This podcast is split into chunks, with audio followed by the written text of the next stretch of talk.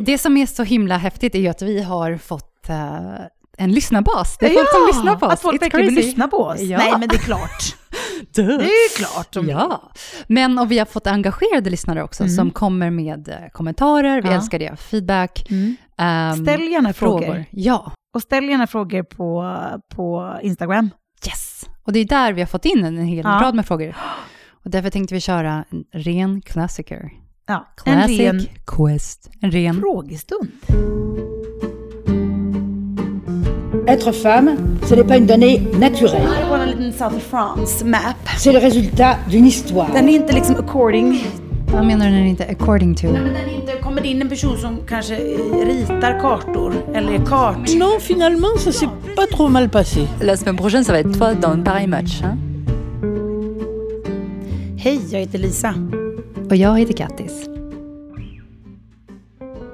Tack så hemskt mycket för den här fantastiska feedbacken.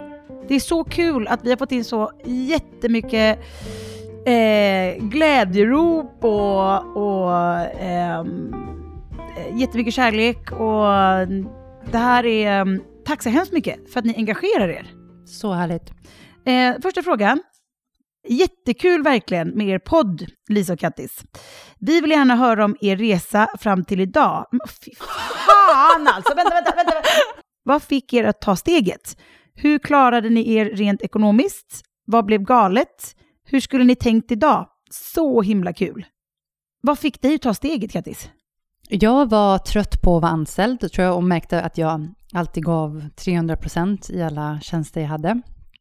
Jag hade väl ett ganska så här eh, step by step. Det var inte så här att jag, jag gick från att vara anställd till att vara helt egen. För jag hade det här medieprojektet med My Survival Story. Så jag fick det finansierat. Så jag visste att jag hade en projektanställning på ett år.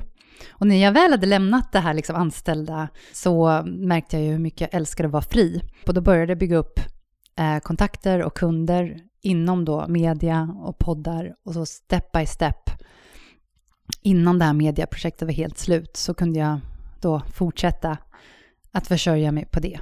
Så Mm.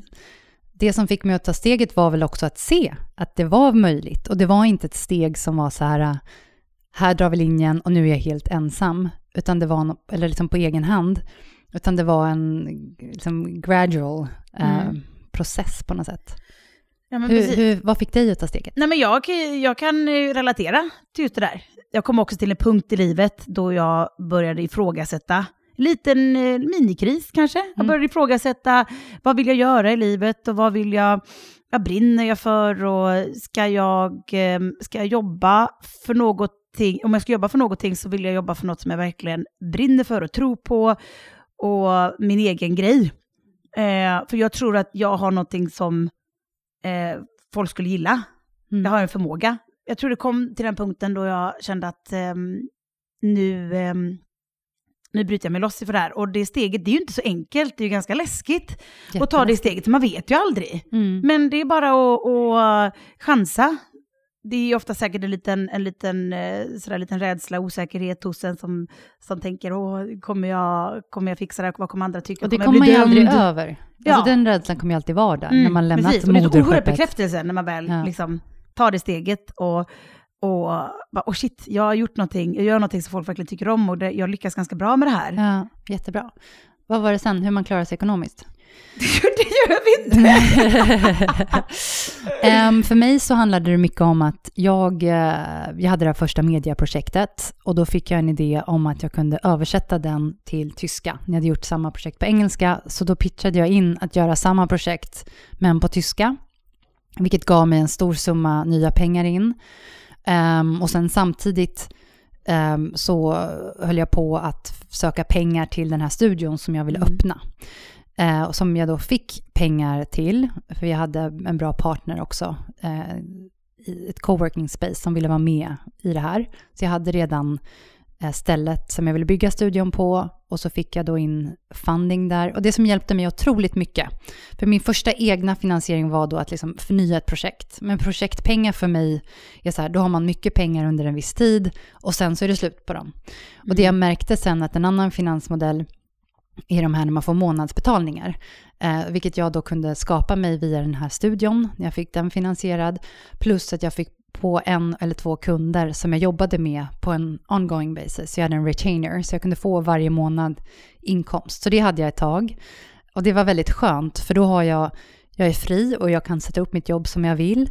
Jag kan producera poddar och jag kan driva studion och jag har mina regelbundna inkomster. Så det var helt, Var, helt du, var du otroligt orolig? I, i, liksom i mitten av min skilsmässa och när jag liksom ändrade min setup och kom mer ner hit till Frankrike. Så tapp, och det var i samma eh, period som jag tappade en av mina kunder för de ändrade sin verksamhet och la ner en bit. Och det var covid och jag fick inte betalningar på de andra projekten jag drev. Ehm, och, och när de här månadsbetalningarna försvann, då kom ångesten att liksom, oh shit, nu måste jag ut och sälja. Nu måste jag få in nya projekt. Ja. Och de måste jag få in på då månadsbetalning eller som projektsumma. Mm. Och det var jätteångestladdat. Och, och, så jag kunde inte riktigt...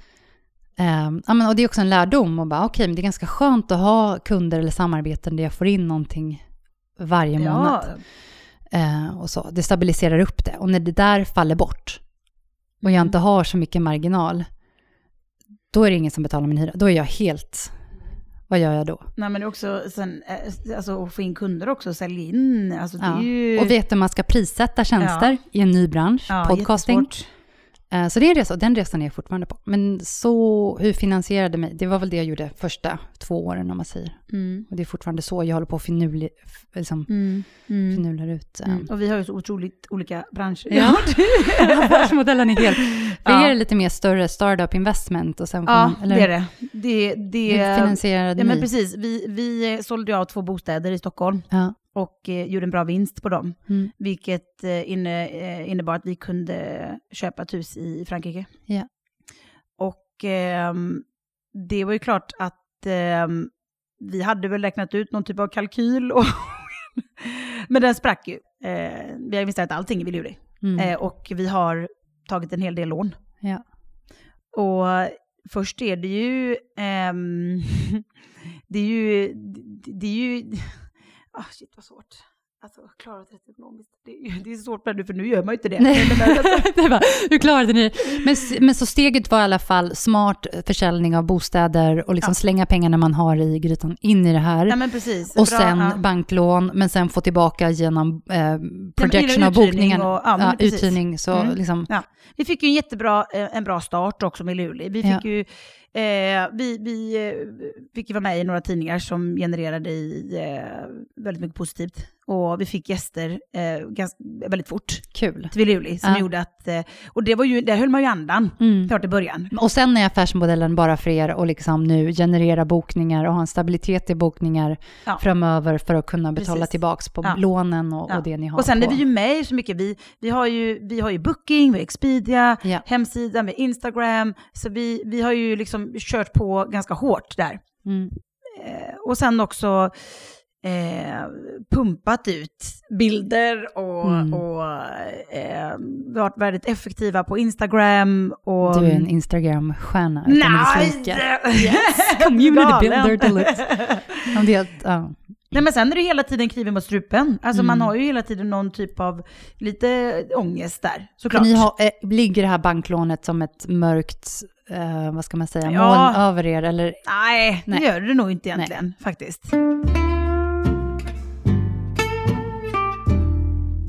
Okej, så nästa fråga här från en lyssnare var, vad tycker du inte om med att bo i Frankrike? Jag kan känna att eh, det, det som är lite bökigt kan vara den här byråkratiska frågan, faktiskt. Att det, det, det, det är väldigt krångligt Ja, med byråkratin här. Och, och det är en djungel att ta sig fram. Ehm, speciellt om man inte kan språket så är det nästan omöjligt. Och även om man kan språket är det nästan omöjligt. Ja, ja exakt. Till och med för fransmännen är det nästan Ja. omöjligt. Så det som är ganska, faktiskt fungerar ganska smidigt i Sverige, får man nog ändå säga, Ja, eh, är ganska krångligt här. ja. Man Så- måste budgetera in tid typ. Ja. en dag i veckan. Only ja, bureaucracy. Ja, ja. Och sen förstå det här att det är, man får ta seden dit man kommer. Det är lite, lite mer, eh, det, det som jag nämnde innan, att, att eh, vad som kan uppfattas som en, eh, det som, det som kan vara en vanlig fransk konversation kan uppfattas som ett stort bråk här. Man, man vet inte riktigt om eh, vad det är som försiggår. Ehm, så Ja. det, det kan vara lite tufft i början. Att det, men det är också en lite så här kulturkrock och, Och nu har man ju liksom förstått mer och mer såklart, efter man har bott här i ett par år. Mm. Men den byråkratiska frågan är nog det jag tycker är krångligast alltså. Vilka är de finaste naturupplevelserna på Rivieran? Oh, då måste jag nog säga, heter det Lesterel? Alltså om man åker, tar med. bilen från Cannes, jag har även cyklat där, eh, upp på de här röda klipporna. Helt amazing. Alltså det är, en, det är ett helt annat landskap och ehm, det känns som att havet är en annan färg där för att det reflekteras mot de här röda klipporna. Så det är liksom röd jord helt plötsligt, sand eh, och det är en liten väg för att all trafik här genom vår region den, den passeras ju via liksom, eh, motorvägen som går mellan alla de här städerna här. Mm. Men om man har lite extra tid och man kan åka längs stranden från Cannes bort mot då Fréjus om man ska kombinera det med en av de här fantastiska second hand-shopparna i Fréjus som då ping, second hand eh, episode. Mm, mm. Ehm, absolut, åk där. Och du kan Eh, väl hajka där, ja, och man kan hajka ner till de här otroligt. kalanksen. Ja, Det som är där, de här små vikarna in i bergen, där det är Ja, kristallklart det är helt, vatten. alltså det är typ som ett, ja men man tar ett gammalt James Bond-avsnitt där de Verkligen. åker i bilen eh, bland klipporna. Det är något helt unikt Men där. den kuststräckan som är just vid Massive Esterel, som, Ja. som egentligen går från Tioul-sur-Mer till Saint-Raphaël. Saint-Raphaël. Mm. Den är så olik den kuststräckan som går ifrån egentligen Nice till Monaco. Ja, De är väldigt vackra men, men Ja. olika. ja. Jag får lite mer eh, James Bond-känsla i, från Nice till Monaco. Ah, jo, sant. För det är ju de här, ja. Men den delen också ska man ju veta att det finns ju nya Rivieran och gamla Rivieran. Mm. Och mellan eh, Nice och Monaco, där är ju verkligen gamla, gamla klassiska Rivieran. Så det är Mm. där man har de här stora villorna från liksom början av sekelskiftet och så vidare. Vägen kallas någonting. Vet du? Vet? Nej, jag vet, Ah, jag vet fan. inte. Men typ där har bland annat Tina Turner har ett hus, Coco Chanel hade hus där, Ja, ja, ja. Har liksom hela U- U2-bandet har sitt hus där. Det är den här klassiska riktigt liksom, där ligger också Cap Ferrat som är det dyraste real estate i hela världen. Så där är ju verkligen den här glassiga Mm. rivieran. Villefranche. Ja, underbar, underbart att vara i Ja, Villefranche. Men man är som sardiner där för den stranden är så Ja. eh, liten på sommaren. Det är Men det är en av mina folk. favoriter är Ez. Ja. Ez plage. Ja. Jag tycker det är så fint. Ja, men, och, vattnet känns också klarare där borta. Det är bara Absolut. alltså, helt underbart. Så Måste hela vara den stenen som gör det. klassiska rivieran bort till Ja, det är Monaco det. underbar.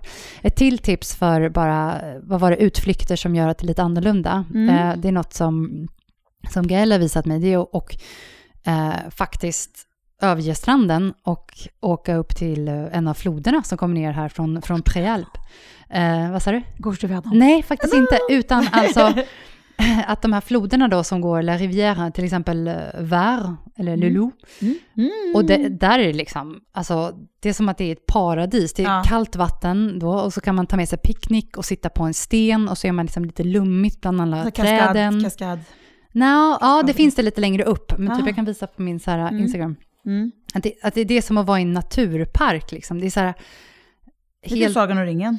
då kör jag kör liksom nakenbad och man är där och bara picknickar. Det är ingen, inte en, en själ där mitt i sommaren. Liksom. Och så här, kristallklart vatten. Och det är lite så här uh, oväntat. Eh, och, ah, Ja, men alltså, och det är inte så långt härifrån. Men det kan vara lite svårt att komma ner dit. Man måste parkera vid vägen och då gå längs en slänt ner. Så det är ganska svår access.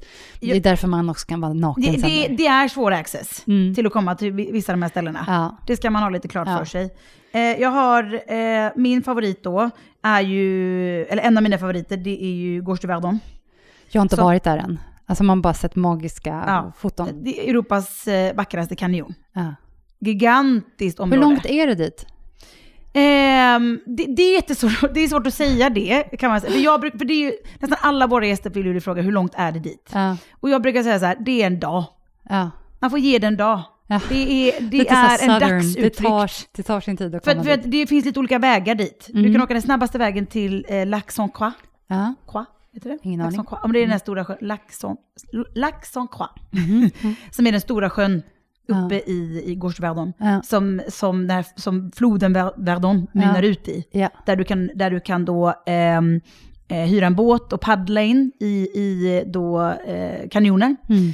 Eh, och bada och ehm, bada i vattenfall och du kan även Eh, det, det finns såna här lerbad och, och sådär. Så att det, ehm, det, det är vår största rekommendation. Villa Julis absolut största Mm. rekommendation att göra. Eh, man är helt slut efter en dag där. Är det mycket, så folk? intryck. Är det mycket turister? Väldigt. Ja, men, men är Mycket det så pass mycket utrymme att det inte blir att det blir sardinburk? Att man säger, nu ska jag ta en, ett kort på den här vackra utsikten, men jag måste vänta till de där Nej, två men, nej, men det, är- det, i och med att det är så gigantiskt och det finns så många ställen man kan stanna på Mm. och ta bilder så upplever jag inte det så. Nej. Däremot kan det vara mycket folk på, eh, i sjön.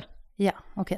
Eh, speciellt under eh, augusti månad. Finns det restauranger och så där, eller tar man med sig egen picknick? Nej, det eller? finns restauranger längs vägen. Ja. Så Mm. man åker upp till eh, en by som heter Castellan. Mm. Och det är liksom utgångsbyn kan man säga. Mm. Så man åker från Villa Julius så åker man till Cabris, som är då vår grannby. Och så därifrån åker man uppåt mot Castellan. Okej. Och det är lätt att köra fel. Så det är väldigt bra att ha Google Maps redo. Och sen så åker man liksom längs då floden Verdon. Ja. Och där finns det ju massa ställen Ja. man kan stanna Ja. och ha med sin picknick eller stanna vid något litet tak där och, och, och köpa en pizza eller vad, vad nu man vill göra. Och, så det är väldigt photo-friendly. Mm. Eh, så ta med dig kameran. Och sen eh, åker man vidare till sjön. Ja. Sen kan du, åka en an- sen kan du åka andra vägar upp, men då kommer man liksom på fel sida sjön. Man vill ju få Okej. de här vyerna. Så att eh, det, det, det är en hel dag. Ja, nej men gud. Och så är Wonderful. det. Vilka månader är bäst och sämst på Rivieran? Uh, med risk att uh, sabba turistsäsongen. Ja, det beror på vad man är ute efter. Ja, ja. Men juli och augusti är det väldigt stor eh, fokus på turism. Det kommer man inte undan. Jag gillar off-season. Eh, jag, jag gillar eh, hösten, när hösten kommer. Det här fantastiska ljuset i oktober, november. Eh, liksom när ja, men, träden skiftar färg. Jag tycker det är något otroligt charmigt över det. Eh, men det blir som en annan värld under sommaren. Allt är öppet, allt finns. eh, det är ett utbyte av människor, man träffar folk som kommer hit från hela världen. Ja. Så såklart det är en fantastisk... Det är varmt och skönt, man, man kanske åker ner lite och för badar. varmt för min Ja, det, det är Mm. väldigt varmt. Det är väldigt varmt. Men det är som du säger, en helt annan. Det, det, är, ju, det är ju väldigt... Det är ju oerhört lyxigt att kunna verkligen så här, vi vet att det är en garanti, på sommaren är det sol, varmt och skönt, Ja. man kan åka och bada. Ja, Det är en garanterad sommar. ja. Ehm, och sen har vi då hösten, och jag måste hålla med dig, jag älskar hösten här. Mm. Det är också min favorit. September månad, Mm. oktober. September Ljuset, solgångarna. Mm. September är nästan sommar fortfarande här. Ja, ja, gud, man, man 30 badar ju hela september Ja. ut. Mm. Men jag måste säga maj och september Mm. är Mm. favoriter. Mm. Eh, sen finns det ju inga liksom, dåliga månader. Nej. Det är väl bara att, att vädermässigt kan det vara lite mer osäkert under, eh, Eh, från egentligen eh, oktober, november till mars, april, maj. Kan det, Alltså, nej, jag tycker, jag inte, tycker i mars är... det är här alltså, monsunstormarna som kan komma lite... Ja, det kan, det kan regna, men det är inte så jättemycket regndagar ändå, tycker inte jag. Nej, men när nej. det väl regnar så regnar det. Men alltså, om man tänker mars, det tyckte jag redan i Paris, så har våren kommit i mars. Och det är, så, det är Mm, inte en den chans att våren har kommit i Sverige i mars. Då är det Mm. fortfarande typ vinter. Nej, men precis. Ehm, så att jag tycker man ser redan liksom slutet på februari så börjar ändå eh, så här, våren smyga sig på.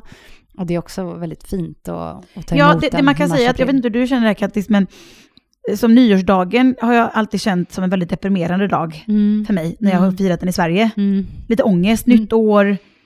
Eh, Oxmånaderna framför oss. ja, precis. Deppiga månader. Ja, Januari, februari. mars. Mörkt, kallt, mars ja, Ja. faktiskt.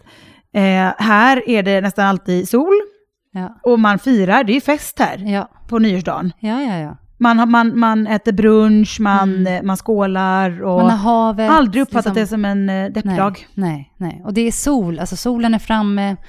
Så det är ju hela, alltså året runt är det väldigt milt här. Men jag tar Ja. aldrig fram liksom en ordentlig vinterjacka. Och det är mer att det regnar ibland. Men jag tycker det är helt otroligt off-season också. Som folk Mm. som är sugna på att komma ner. Det är nästan som att sommaren då tar liksom Rivieran på sig sina sol, glassigaste solglasögon och blir liksom yeah, sommarhunken om man säger. Men resten av tiden så är det en fantastisk region och man kan få ut hur mycket som helst. Det Ja. finns hur mycket som helst att upptäcka Mm. på de andra månaderna. Absolut. Vilken stad kan man besöka som är vacker och mer prisvärd än Nice? Jag säger bara direkt Grasse. Ja, Sen vet inte jag om liksom pris, värld. Men jag tycker ibland att den kommer lite i glömska. Alltså, Mm. den konkurrer, man konkurrerar ju rätt så mycket med Nice och Antibes och Cannes. Men man ska inte glömma Grasse. Mm. Annan karaktär, ganska Ja. stor stad. Ja, det är det. Och uppe på höjden. Uppe på höjden. Och just det här också för parfym. Museet, Ja. det internationella parfymmuseet. Absolut. Den rekommenderar jag. Ja. Eh, Monton Ja. är kanske en klassiker, väldigt Ja, vackert. Ehm, jag vet inte prisklassen där, det är fortfarande Rivieran, men den ligger lite längre bort och väldigt familjevänligt. Och Jättefint. ah, väldigt trevligt, skulle jag säga. Alltså jag tycker också min by och Ducagne är väldigt mysigt och um, där orkar man väl inte vara... Eller jag tycker ändå så här, stranden i Cannes-sur-Mer är väldigt så här, otippad. Det är ingen som är här. Även på sommaren så är det inte så jättemånga som, som häng, håller till här. Så det blir aldrig den här sardinburkskänslan. Um, och uppe i Medeltidsbyn, jag tycker det är helt uh, otroligt mysigt och mycket billigare också på restauranger och sådär om man jämför med Saint Paul Vence och andra Ja, ja. medeltidsbyar. Jag kan verkligen på det. hålla med om Ja. den här lilla fina byn. Um, alltså sen har vi också Ja, ja, Louvre och det är en annan, liksom grannregionen. Mm. Där finns det väldigt mycket också. Och det som jag älskar med Louvre, det är också när man kommer bort mot trappan, sådär, att det finns mycket rosévinodlingar som känns väldigt sådär, mm, på sommaren när man vill till Mm. Frankrike så vill man gärna gå på en, till en liksom, eh, vin, eh, ja men vad heter det då? Mm. Vinodlare. Nej, men jag- eh, jag- vingårdar, Ja. många vi, rosévingårdar och, och hälsa på där, köpa eget, eh, ja, rosén. Oh, jag har en annan favvis. Så det finns många byar eh, längs Louvre som jag tror är mycket mer prisvärda. Men sen när du kommer bort till Saint-Maxime och Saint-Tropez är det ju svindyrt igen. Men ja, jag inte har lika ett... dyrt som i Cannes dock. Fan. Saint-Tropez är väl Jo, ändå- jo, jo, ja. men inte Frejus. Frejus Nej, och... Saint-Raphaël och Fréjus. Mm. Men jag vill inte åka till Fréjus bara för att deras borgmästare är Front National. De är så rasister där. Ska, pol- it's political, ska jag vara. ja jävla Nej. fan. Nej, I don't know.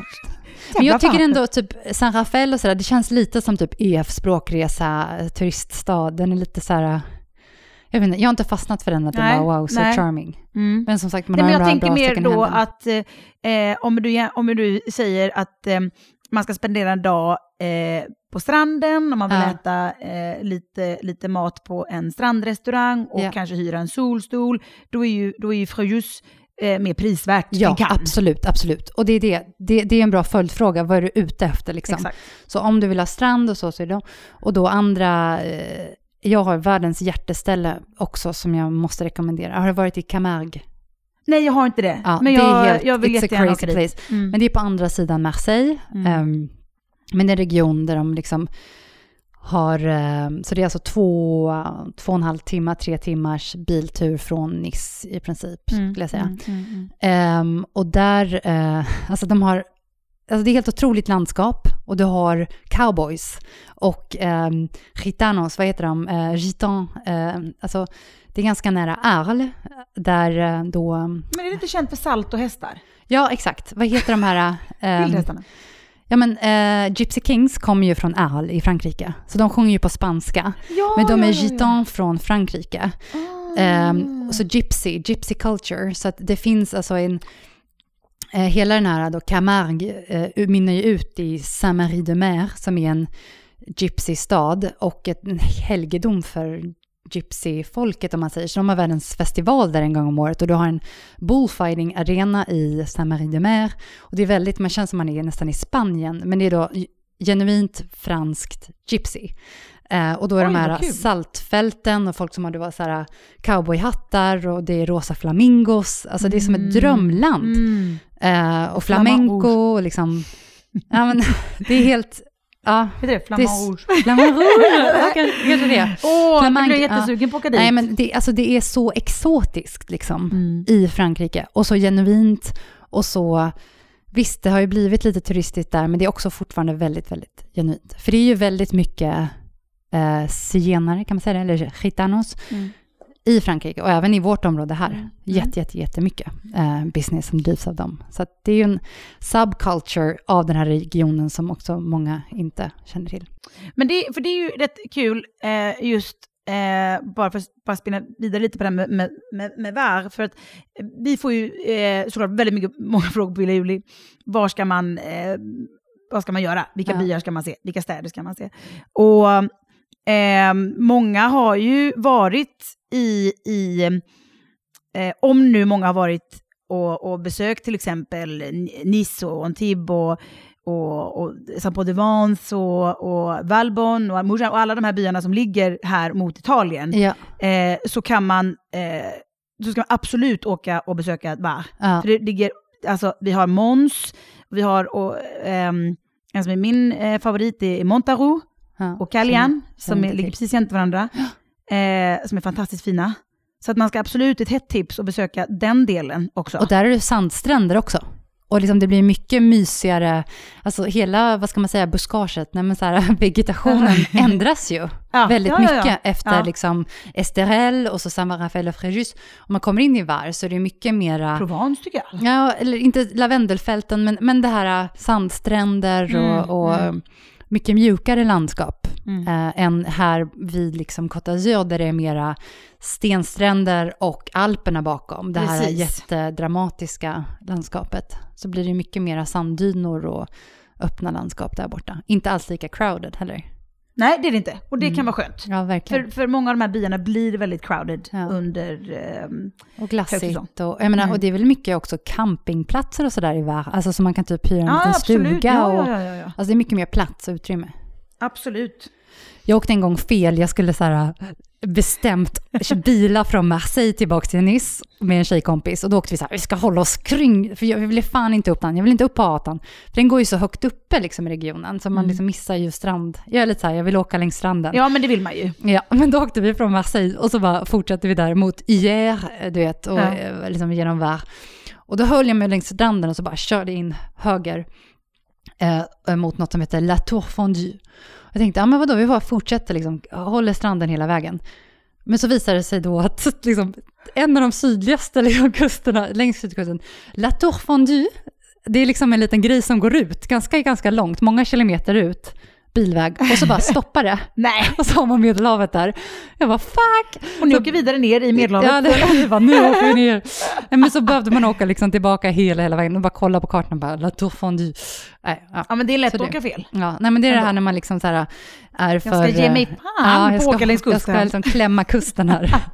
Bara förlorade en timma typ. Och det var typ en så här en... Det var verkligen så en gata ner med massa skog omkring så det var inte ens värt det. Så det är en... rekommenderar jag inte. Kommer ni bo kvar i framtiden? Ooh, golden question. Alltså det är så härligt att bo här. Det är så vackert och så fint. Och så har det så många pros and cons såklart. Det känns som att bo ett helt liv här nu. Jag, jag, för mig tror jag det skulle vara möjligt att bygga upp och, och köra livet här. Men jag tror att jag kommer nog flytta vidare. Men alltid ha en anknytning hit. Och kanske bo här i perioder. Men det är väl inte så här one destination, I'm Nej, here forever. det- Men det har en speciell plats i mitt, mitt, Ja. mitt hjärta. Jag tycker det, det, det är en svår fråga. Det beror liksom lite på vad som kommer hända också Ja. framöver. Mm.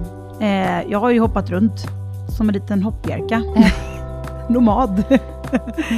eh, I mitt liv generellt. Ja. Så att jag vill nog inte, kan nog inte svara riktigt på det.